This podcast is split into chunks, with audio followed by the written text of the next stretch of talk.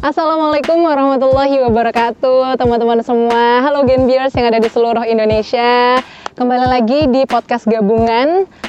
Sekarang gilirannya IAIN Pekalongan untuk uh, menyelenggarakan podcast gabungan tiga komisariat Yaitu IAIN Pekalongan Terus Universitas Pancasakti Tegal. Terus habis itu? Universitas Pekalongan. Dan IAIN juga. Jadi kita tiga komisariat tergabung dalam Genbi Tegal ya kakak-kakak semua. Enaknya apa nih mbak-mbak atau gimana nih? Kayaknya karena kita orang Jawa bagusnya sih mbak-mbak aja ya. Oke, karena kita orang Jawa Tengah, khususnya Tegal ya, kita panggilannya mbak aja. Oke, nah sebelum itu kenalan dulu nih. Dari mulai hostnya dulu ya kenalan ya. Aku Farah Farhatu Soimah, uh, anggota Genbi Tegal Komisariat IAIN Pekalongan. Nah, sebelah sini nih, sebelah sini saya nih udah ada narasumber yang udah kece-kece badai. Okay. Boleh kenalan dulu dari sini ya, dari kanan sunahnya ya. Oke, perkenalkan nama aku Didi Lutfiani. Aku dari semester 6 hmm. dan alhamdulillah aku juga uh, lagi daftar Genbi lagi nih. Wih, oke. Okay. Sama-sama ya bareng ya. Okay. Untuk uh, alamatnya alhamdulillah Brebes. Oh, dari Brebes. Mbak Dini dari Brebes berarti ya. Terus tadi dari Brebes apa dari mana nih ke sininya? Uh, dari Tegal, dari kampus. Jadi dari Brebes tuh naik motor oh. ke Tegal, terus habis itu uh, naik mobil bareng-bareng sama teman. Oh, wah sempet sempetnya maksudnya nyempet nyempetin nggak sempet sempetnya nyempet nyempetin buat uh, apa namanya ngobrol-ngobrol bareng di sini dan pokoknya nanti kita bakal seru-seruan bareng mbak Dini ya nah sampingnya dong sampingnya masih grogi aja dari uh, tadi aku Uh, saya Syarifatul Soleha dari uh, Genbi Komisariat Universitas Pekalongan. Panggilannya? Uh, Fafa. Oke. Okay. Terus alamat saya di uh, Yosorjo, Kota Pekalongan. Hmm, oke okay. masih ya, masih Pekalongan. Kalau ini kabupaten, kalau ini uh, Pekalongan kota ya. Nah, sebelah pojok sana ini udah ada rekan Nita saya, rekan Nita, rekan saya. Rekan Nita IPPNU nih. beda, beda. beda. Oke, okay. perkenalan dulu, perkenalan dulu. Assalamualaikum, perkenalkan nama saya Sri Wikianti, biasa dipanggil Wiki. Saya dari jurusan Perbankan Syariah nih teman-teman, udah semester 6 alhamdulillah. Dan ini juga mau daftar ganti lagi kayak Mbak siapa nih Mbak Dini ya? Yeah. Oh, semoga lolos bareng ya Mbak ya. Amin. Aku juga nih. Iya. Kita berdoa bareng. Iya. Tapi kalau Mbak Papa daftar lagi nggak nih? Enggak. Ya, lulus ya. Mau lulus aja ya. Siapa tahu aku mau lulusnya nanti aja yang penting dapat ganti lagi. Oke. Nah, Uh, tadi kan kita udah perkenalan nama. Uh, karena kita itu nanti mau ngebahas soal kegiatan di luar kampus yang kita apa namanya lakukan, itu aku kepo dong sama Mbak Dini nih. Uh, selain di Genbi dan juga selain di UPS kegiatannya apa aja? Uh, kalau aku sendiri sih kalau di kampus dulu kali ya. Hmm. Kalau di kampus itu di kebetulan karena aku fakultas hukum, aku ikut BEM Fakultas Hukum. Hmm, Oke. Okay. Itu sebagai wakil ketua BEM. Mm -hmm. Terus selain itu juga aku ikut uh, UKM, mm -hmm. KSR. Mm -hmm. uh, terus di rumah itu di kecamatan mm -hmm. jadi wakil ketua juga. Oke, okay, apa tuh? IPPNU. Oh, aku kira uh, itu wakil ketua kepala desa. Soalnya di kecamatan gitu. Enggak dong. Terus habis itu kalau di kabupaten ikut IPPNU juga jadi oh, wakil okay. ketua Wah, banyak banget ternyata ya aktivitasnya. Ada ada ada BEM tadi ya, terus IPPNU. IPPNU juga, terus satunya lagi tadi KSR. KSR. Wah, emang Genbi itu full of activity ya. Yes. Emang orangnya tuh nggak bisa diem ya. Makanya kalau kalau nganggur harus cari kegiatan. Sakit kayaknya. Iya benar benar juga. Benar benar. Nah itu tadi dari Mbak Dini ya, udah berarti empat aktivitas tuh ya, kira-kira empat atau lima lah. Ya, oh ya, ya benar. Lainnya masih banyak lagi? Waduh, nanti kita kupas tuntas deh. Nah, kalau Mbak Fafa? Uh, kalau saya sendiri selain kuliah, saya juga ikut organisasi di kampus maupun di luar kampus. Mm -hmm. Dan sekaligus saya masih magang di kantor pajak. Wih, kantor pajak mana tuh? Uh, Kota? Iya, KPP Kota Pekalongan. Oh. Terus uh, saya juga masih uh, merintis usaha buket gitu. Wih, oh, eh, berarti kemarin pas banyak-banyak wisuda Alhamdulillah. Wah, alhamdulillah. Ya. Iya, cuan cuan cuan cuan. Berjuang cuan. iya. Terus selain tadi buket apa lagi, Mbak? Ada lagi? Uh, juga itu uh, jadi guru les oh, privat. les privat apa nih? Eh, Apelnya? SD SD semua mapel Oh semua apel Widi keren banget ngeri ngeri ngeri ngeri ngeri. Nah ini nih teman saya nih yang paling pojok sama-sama dari IAIN Pekalongan bisa di itu dong sharing kegiatannya apa aja. Keren semua ini saya insecure. Jangan insecure dong. Saya pribadi, kalau misalkan di YN sendiri di kuliahan itu saya ikut komunitas sadar halal. Kemudian ikut ini Genbi. Kalau misalkan di luar itu kalau di rumah ikutnya IPPNU sama Karang Taruna itu saya menjadi alhamdulillah wakilnya. Kemudian ada Gen Pesat generasi sehat kayak posyandu remaja kayak gitu. Biar nanti untuk apa ya eh, mencegah stunting dan lain-lain seperti itu sih.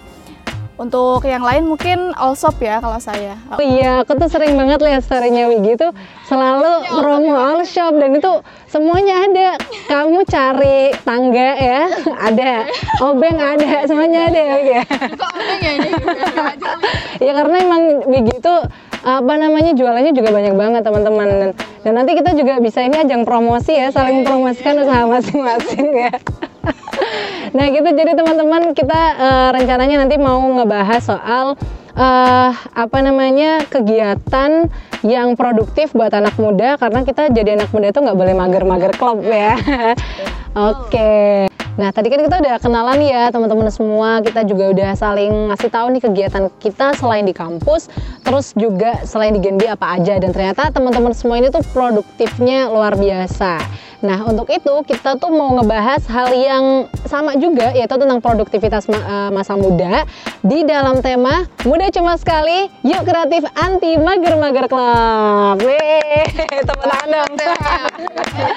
Keren ya. Nah, kenapa kita mau ambil tema ini teman-teman semua? Karena kita tahu uh, pandemi belum juga usai sampai sekarang. Terus uh, belum lagi ini kan juga kita liburan ya. Pasti kayak uh, keinginan untuk bermager-mager ya itu sangat besar gitu kan. Sangat besar. Sangat besar sekali karena ah tidak ada aktivitas pandemi ah, aku di rumah aja tidur gitu kan. Nah sebetulnya uh, justru banyak kesempatan yang kita lewatkan kalau kita selalu seperti itu. Makanya mudah cuma sekali yuk kreatif anti mager-mager club cuman di sini dibahas di podcast gabungan komisariat IAIN Pekalongan UPS Unikal kayak gitu. Nah eh, tadi aku tuh pengen ngulik-ngulik lebih dalam lagi tentang kegiatannya teman-teman semua yang tadi dijelasin.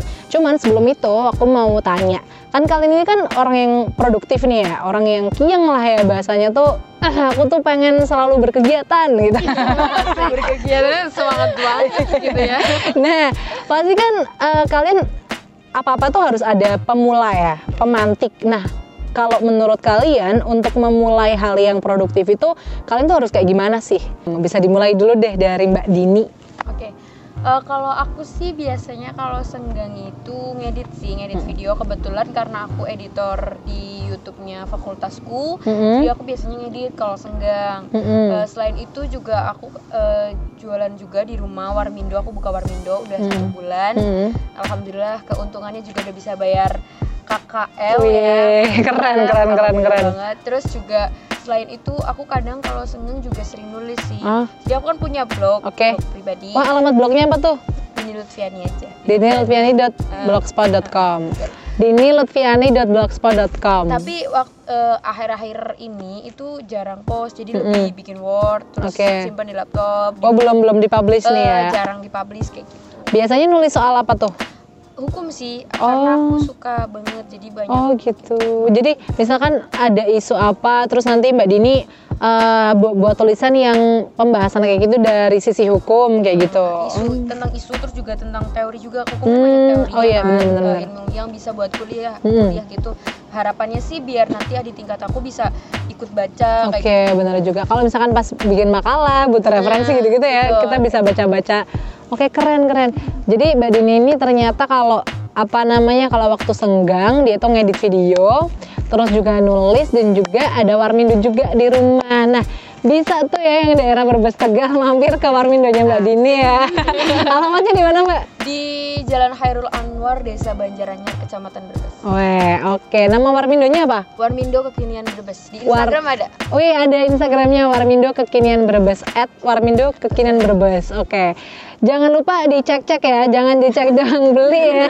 Bisa nugas-nugas di situ kan Mbak ya? Wifi-nya lancar kan ya? Weh cocok banget berarti. Oke, nah Mbak Fafa, kalau Mbak Fafa waktu senggang ngapain aja Mbak? Eh, kalau aku sendiri sih eh, lebih ke belajar bikin buket lagi ya Oke. karena kan saya mulai merintis usaha ini juga baru kemarin 2021 bulan Desember gitu Mhm. dan terus aku juga ikut eh, skill academy tentang konten Mhm. kita membuat konten membuat apa gitu Nah, ah. terus ya kegiatan-kegiatan tersebut membuat kita nggak mager gitu ya Oke, iya benar juga sih. Ternyata eh, Mbak Fafa ini juga apa namanya tetap mendalami pembuatan buket itu, terus juga eh, tentang life skill academy buat konten kreator. Itu memang relate banget sama dunia digital sekarang. Dan juga yang soal buket ini emang lagi kekinian banget ya di mana buket itu sekarang nggak cuman dikasihin pas apel malam minggu aja gitu kan yang pada punya ayang tuh ya. Nggak cuman itu aja. Tapi juga eh, setiap acara-acara yang besar kayak wisuda terus misalkan kita apa ya misalkan ada orang kerja terus naik jabatan kita bikin apa namanya selebrasi itu tuh ternyata orang-orang pada suka tuh ngirim-ngirim buket. Dan sekarang juga buket nggak cuma bunga aja ya mbak ya? Ada apa aja tuh mbak kayak jajan, Hmm, boneka, oke. kerudung gitu. Oh, oke. Terus baju bayi dibikin buket juga bisa. Wih, oke jadi ya biasanya uang ya. Oh iya, bener bener bener uang-uang yang ditata-tata gitu kan ya. Nggak tahu itu uang asli apa uang palsu sih? Asli gitu. Oh, nggak asli. Uang asli, Oke, oke, nanti kalau kita juga. boleh tuh ya Ya boleh yang Di order ya. Insinyur Soekarno semua itu ya isinya ya.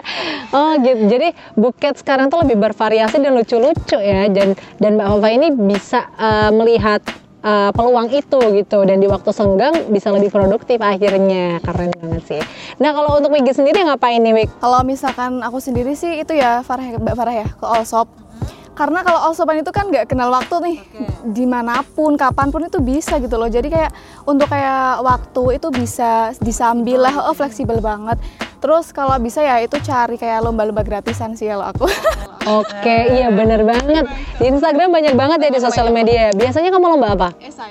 Esai, Widi. Pokoknya tulis menulis Iya, ya. soalnya kalau misalkan malam nih habis isya itu kan ah ngapain nih nah ini kesempatan nih cari-cari scroll di IG itu banyak banget teman-teman ya harus kayak manfaatin peluang banget kayak gitu. Nah, sejauh ini udah pernah juara apa aja tuh kalau lomba-lomba kayak gitu? Untuk LKTI kemarin nasional juara satu, kemudian Itu di yang universitas esai mana itu, yang lom- lombanya? eh, juara satu itu UIN Alauddin Makassar. Widi dari UIN Alauddin Makassar juara satu dong. Terus yang esai itu kemarin juara tiga yang diadain UPS apa ya kalau nggak salah? Kalau apa nggak unikal ya? UPS kemarin. Oh, juara tiga.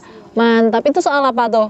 Ekonomi itu, juga? eh, kemarin aku yang esai itu ambilnya industri halal. Mm-mm. Tuh, maksudnya kayak sekarang itu kan banyak-banyak kayak banyak banget orang muslim itu lebih ke eh, ini produknya halal nggak sih? Oke. Ke makanan, baik itu ke kosmetik. Jadi itu Iya, kayak label halal sekarang lebih menjual gitu ya? bener-bener sekali Farah. Oke, wah keren banget sih. Se- selain juga jualan, tapi juga tetap uh, dari bidang akademis juga selalu dieksplor terus ya dari WG ya. Mantap. Nah, Wig aku penasaran, kamu tuh jualan apa aja sih di all shop kamu? Oh, banyak Farah. Oh banyak ya. Bisa di share dong. Kalau misalkan eh, butuh kosmetik insya Allah ada. Kalau butuh kayak eh, skincare ya ada. Terus kayak perabotan rumah tangga ya, peralatan rumah tangga itu ada, mau lemari dan lain-lain. Terus kayak misal eh, apa ya, makanan itu juga ada di snack-snack ataupun nastar itu pun ada. Widih ada semua loh. serba ya? Iya, tuh serba online serba online dan itu dari WA ada di Instagram juga ada ya Wig ya? Ada. Wih, sampai Wig ini tadi denger-denger kontaknya isinya ibu-ibu semua. Karena emang pasarnya dia itu ibu-ibu. Keren banget sih. Targetnya itu lebih ke ibu-ibu. Iya, karena banyak ya peralatan rumah tangga dan lain sebagainya. Nah, aku mau tanya, kalian kan ini pada wirausaha juga nih. Nah, apakah kalian sudah eh, menerapkan ini sistem pembayaran digital? Iya, mantap. Genbi harus selalu seperti itu dong. Kalau dari Mbak Dini sendiri? Eh, Alhamdulillah sih kalau untuk pembayaran digital udah lagi proses ya. Mm-mm. Terus sama bisa juga di order di GoFood juga. Oh, oke. kayak gitu. Jadi eh, memanfaatkan digital lah kayak gitu. Mm-mm. Karena kan orang tua kan nggak terlalu mengerti. Iya. ya harus kita. Iya, benar juga. Berarti udah mulai itu ya, udah mulai bikin kris ya? Wih, keren-keren. Nah, kalau Mbak Fafa? Sama sih, masih proses juga. Oke. Karena eh, kan biasanya kalau teman lebih kalau kita COD gitu Iya, ya, benar benar benar. eh, dari luar kota atau atau apa itu kita pakai Oke, nah kalau Wigi? Alhamdulillah sudah. Itu nanti uh, krisnya itu namanya Gian Shop Syariah. Oh iya, tetap syariah ya. Tadi esainya soal industri halal itu juga harus sudah syariah benar karena ya yang Pekalongan. Oke, wah ternyata kalian tuh keren-keren banget ya teman-teman semua uh, wirausaha iya, terus juga kuliah tetap jalan dan apa namanya aktivitas-aktivitas lain di luar itu juga tetap jalan. Keren banget tepuk tangan buat kalian semua. Nah, oke tadi kan kita udah bahas tentang aktivitas kalian, terus tentang gimana cara ngatasin mager, terus gimana cara memulai ke suatu kegiatan. Nah, eh time management yang kalian lakukan ketika kalian itu melakukan banyak hal secara nggak bersamaan sih, tapi dalam periode waktu yang sama kan. Ini kalian juga sebagai mahasiswa yang kuliah, terus eh, sebagai anak yang membantu orang tua juga, terus juga apa namanya bekerja juga dan lain sebagainya itu gimana cara mengatur waktunya? Aku pengen tahu dari Mbak Fafa dulu. Kalau aku sendiri sih bikin kayak skala prior- prioritas. Mm-mm. Nah di situ apa sih yang mendesak, apa sih yang paling penting itu. Dan setiap harinya itu kayak bikin jadwal gitu. Oke. Di jam segini aku harus segi kayak gini. Itu setiap hari kamu lakukan? Ya kayak udah udah memikirkan dari kemarin mau Oke. mau tidurnya itu oh, Oke, besok oke, harus- oke. udah selesai nih ini dan ini, ini. Oh, at least nggak harus ditulis, tapi at least kita mau tidur overthinking dulu nggak apa nggak salah. ngapain gitu loh besok itu kita mau ngapain gitu. Kalau aku, aku sendiri kayak gitu karena kalau nggak kayak gitu nanti besoknya ya mungkin akan Bingung. ya, Iya gitu. benar juga, benar juga. Oke. Eh, boleh tahu dong skala prioritas pertamanya Mbak Fafa apa? yang pertama sih pastinya kuliah Oke. Eh, kuliah itu kan kita sebagai mahasiswa apa sih yang paling penting? Kan kita belajar kan? Mm-mm. yang kedua eh, karena aku sendiri mengikuti beberapa organisasi di situ kan eh, meng- memiliki tanggung jawab masing-masing kan? Di situ eh, apabila kita memiliki tanggung jawab ya kita selesaikan dulu kuliahnya atau belajarnya terus baru ke organisasi Mm-mm. waktu senggang baru kita melancarkan bisnis kita Oke, gitu. jadi eh, tetap hal-hal yang apa namanya sudah menjadi tanggung jawab kita yang utama itu jadi skala priorita- skala prioritas yang pertama gitu ya Iya. kayak mahasiswa terus juga organisasi. Nah baru eh, selain itu baru kita memikirkan tentang wirausaha kita itu ya. Oke, nah untuk Vigi sendiri gimana? Kalau saya sendiri itu lebih setuju sama Mbak Fafa ya. Ini jadi kalau misalkan apa yang saya mau lakukan besok itu itu sudah difikirkan hari ini gitu loh. Jadi eh, akan terencana ya harus kita tuh harus ada planning gitu loh. Biar nanti kalau misalkan kita bangun, iya aku mau ngapain? Nggak nggak kayak gitu. Jadi eh, oh nggak ngapa-ngapain ah, tidur lagi. Padahal tugas kita itu banyak loh teman-teman. Kayak misalkan waktu senggang kita apa bikin apa ya itu yang bermanfaat itu yakin manfaatnya banyak banget misalkan nulis. Nah itu nanti bisa dapat cuan loh nulis itu ya. Dapat cuan. Terus misalkan eh, membantu orang tua juga nanti ada jam-jamnya. Misal jam segini sampai ini aku harus bantu ibu nih. Terus selanjutnya saya harus ini nih kayak gitu. Jadi harus ada planning ditata bener-bener. Jangan sampai nanti kita tuh bingung melakukan apa gitu. Oke, nah untuk skala prioritasnya Wigi yang pertama apa? sama perkuliahan. Kuliah oh itu yang pertama. Kalau misalkan kayak all shop terus kayak nulis-nulis itu tak sembil-sembilin gitu loh. Kadang-kadang kalau malam oh all shopan dulu nih? Mau tidur. Oke. Terus pas pagi udah selesai semua pekerjaan rumah terus pas libur nah baru nulis. Tetap kuliah nomor satu. dong, harus Oke, kuliah nomor jadi emang ya kita nggak bisa melupakan ya kodratnya kita sekarang adalah mahasiswa teman-teman. jadi mau nggak mau ya kita harus tetap memprioritaskan kegiatan mahasiswa kita itu sebagai yang pertama karena itu juga bentuk tanggung jawab kita untuk diri sendiri dan juga pastinya orang tua yang udah nyekolahin kita kayak gitu. terus jangan lupa nanti kalau tugas-tugas di list Iya, bener banget. Iya iya iya di list banget. Karena kayak kalau nggak di list tuh kita nggak kelihatan tugas kita tuh sebenarnya apa aja. Apakah banyak banget, apakah dikit gitu kan ya. Kalau apa namanya kalau kita ah ya udahlah nanti nanti nanti nanti eh udah deadline aja kita belum ngapa-ngapain gitu kan jangan sampai kayak gitu. Nah itu tadi soal time management. Kalian pernah dengar nggak sih eh, istilah kalau hidup itu let it flow aja gitu? iya, iya, iya. Pernah dengar kan ya?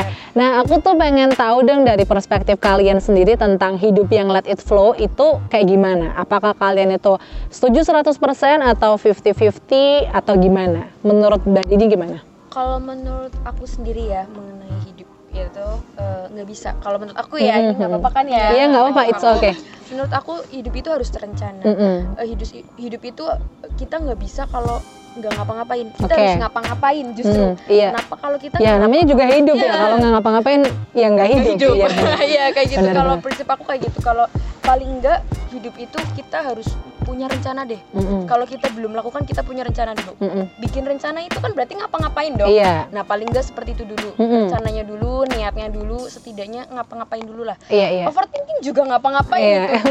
Memikirkan planning-planning banyak kayak gitu. Mm-mm. Kalau menurut aku, aku nggak setuju kalau hidup itu harus ngalir-ngalir aja. Mm-mm. Aku nggak setuju. Oke oke. Terus kalau menurut Mbak Fafa?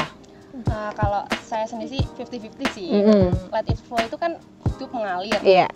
Tapi di situ kan eh, nggak melakukan apa-apa. Nah, Mm-mm. salahnya di situ. Mm-mm. Kalau kita iya, ngertiin perspektifnya. salah, ya mungkin kita akan menjadi eh, manusia yang hanya itu-itu saja, Iya, nggak benar, ada kemajuan gitu kan. Yes. Eh, kita harus punya tujuan, kita Mm-mm. punya prinsip. Apa sih eh, tujuan kita ke depannya itu apa? Nah, di situ kita juga akan timbul semangat. Mm-mm. Nah, nah saat eh, kita mencoba, kita berproses kan nggak mungkin langsung berhasil Iya ya. Pasti. kadang gagal Mm-mm. atau gimana. Nah, di situ baru ada kata let it flow. Oke. Nah, di situ kan uh, berproses itu uh, bakal akan jadi berhasil Yes. dan dengan let it flow itu kita uh, melakukannya dengan santai. Iya, tapi enjoy, tapi serius uh, tetap ya. Tapi supaya apa? Supaya kita itu ngerasa ringan gitu Iya, loh, benar-benar juga. itu ringan. Oke. Nah kalau dari Wigi sendiri gimana nih? Oke, kalau dari saya sendiri kan kayak dadang ada kayak kata-kata gini ya. Ikuti air aja sih, hidup tuh kayak air dong, mengalir gitu kan. Sebenarnya saya kurang setuju karena misalkan kita kayak air nanti kalau dibelokin ke mana aja mau dong gitu kan. Nggak ada tujuan hidup. Jadi kalau misalkan saya sendiri itu lebih ke ayo dong hidup tuh hanya sekali teman gitu kan. Lo jangan, eh, lo, kamu jangan, iya ya, kamu tuh jangan sia-siain gitu loh usia kamu itu masih muda tuh kamu harus punya rencana kehidupan ke depannya mau ngapain. Kalau eh, sekarang tuh masih kayak mager-mageran dan lain ya itu nanti kamu rugi gitu loh rugi sendiri. Misalkan kayak teman-teman kamu udah nih eh, kayak berproses ya panjang. Ih dia udah berhasil nih di, di pas tuanya dia sukses. Padahal dia pas mudanya itu prosesnya mungkin panjang banget gitu loh. Dan kita harus memanfaatkan waktu. Sebenarnya jangan mengalir. Mengalir itu nggak boleh. Harus kita harus punya jalan sendiri gitu loh. Heeh, biar nggak ke bawah sana sini sana sini. Oke kan? Susah. Oke, nah itu kan dari tadi ada tiga perspektifnya. Nah, aku juga pengen sharing dengan perspektif yang terkait let it flow. Oke, jadi eh, menurut aku let it flow itu tetap ada di kehidupan kita gitu. Jadi mungkin aku ini ya sejalan sama Mbak Fafa ya. Jadi apa namanya eh, kita itu pasti harus punya target, pasti harus punya rencana. Tapi ketika menjalani itu kita juga jangan lupa kalau eh, takdir juga ada yang sudah mengatur gitu loh. Jadi itu yang let it flow itu lebih ke apa ya? Lebih ke tawakalnya aja sih gitu kan, lebih ke pasrah usan. Jadi iya iyanya keluar nih. Ini buka tahu sih. Iya, Oh, iya tapi itu itu yang saya pikirin gitu dan eh, sebenarnya itu tuh sama sama eh, salah satu filsafat. Ini aku sharing juga ya.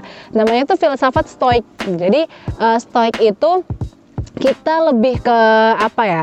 Kita lebih menjalani hidup ini itu nggak banyak berekspektasi. Kita tetap punya tujuan, tapi ekspektasi kita terhadap tujuan kita itu nggak yang menggebu-gebu, yang nggak ambisius banget, yang iya kalau nggak bisa itu pokoknya nggak mau. Pokoknya harus itu nggak kayak gitu juga. Tetap kita harus sadar kalau kita cuman manusia biasa.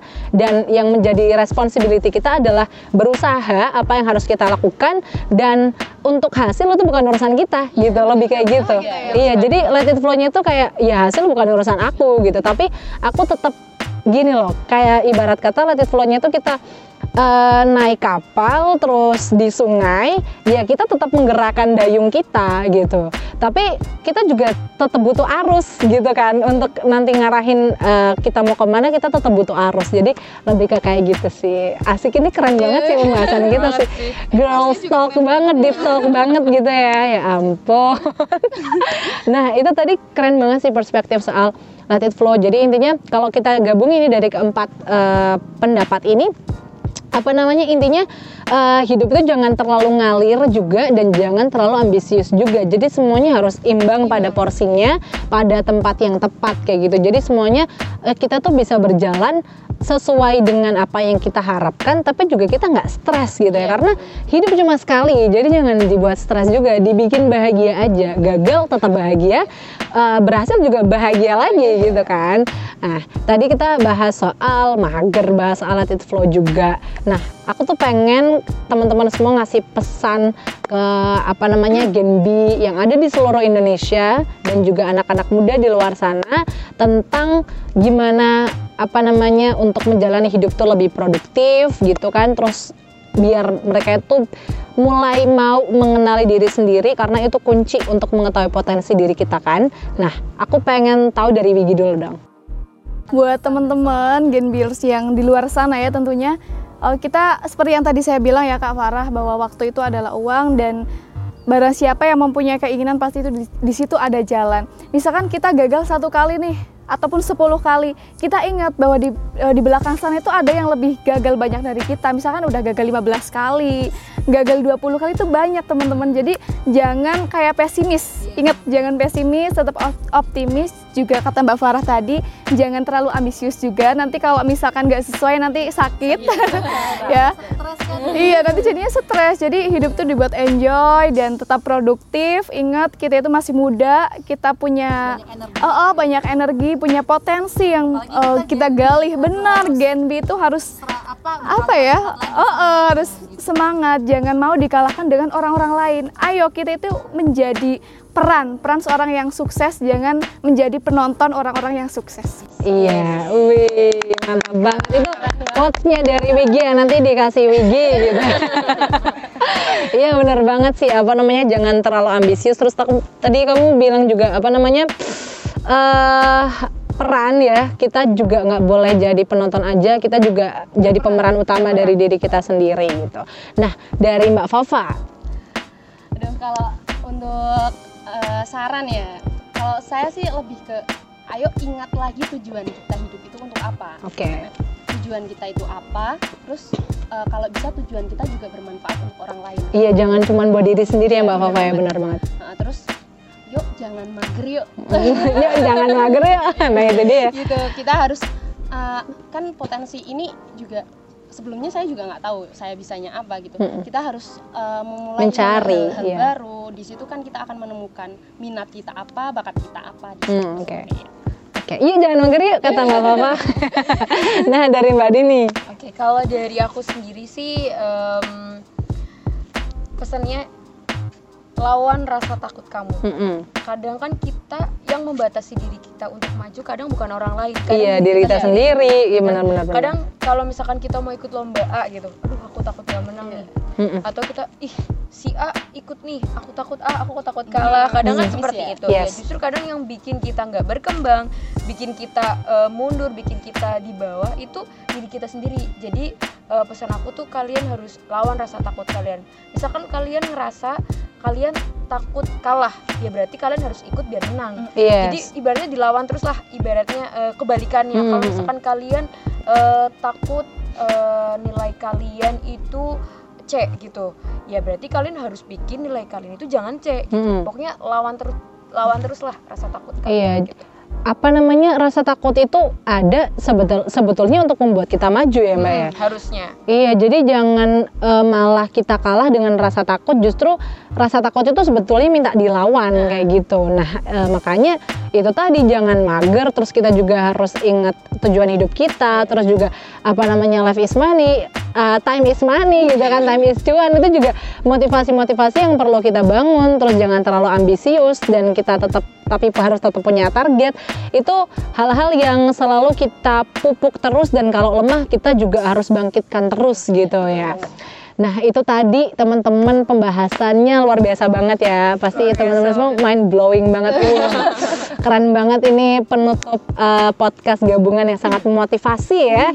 Eh, eh, apa namanya? Saya juga di sini senang banget jadi hostnya teman-teman ini keren-keren banget karena saya juga dapat pelajaran dari Wigi, dapat pelajaran dari Mbak Fafa, dapat pelajaran juga dari Mbak Dini, dapat motivasi juga. Dan semoga juga teman-teman semua Gen Beers yang ada di seluruh Indonesia dan juga anak-anak muda yang nonton ini juga harus ikut termotivasi ya. Makanya nontonnya jangan di skip dari A sampai Z jangan di skip. Kalau ada iklannya, iklannya juga jangan di skip ya. Siapa tahu kan ini buat monetize akun YouTube kita juga gitu kan. Bercanda belum monetize, tapi doain ya semoga monetize. Nah itu tadi seru banget lah pokoknya aku sampai aduh gimana ya? Bingung lagi mau ngomong apa gitu. Kayaknya eh, kalau diterus-terusin bisa sampai subuh lagi ya kita. Jadi kita cukupin aja sampai di sini dulu Eh, semoga bisa bermanfaat. Dan eh, kata-kata dari ketiga narasumber yang kece-kece ini semoga bisa jadi motivasi buat kalian. Em, saya Farah Faratu Saimah selaku host. Mohon maaf yang sebesar-besarnya kalau ada kesalahan kata eh, maupun perbuatan dan juga apa namanya hal-hal yang kurang berkenan. Semoga ini bisa menjadi pelajaran bagi kita bersama ya teman-teman semua. Dan oke itu aja. Wassalamualaikum warahmatullahi wabarakatuh. Sampai jumpa di podcast Genbi selanjutnya. Dadah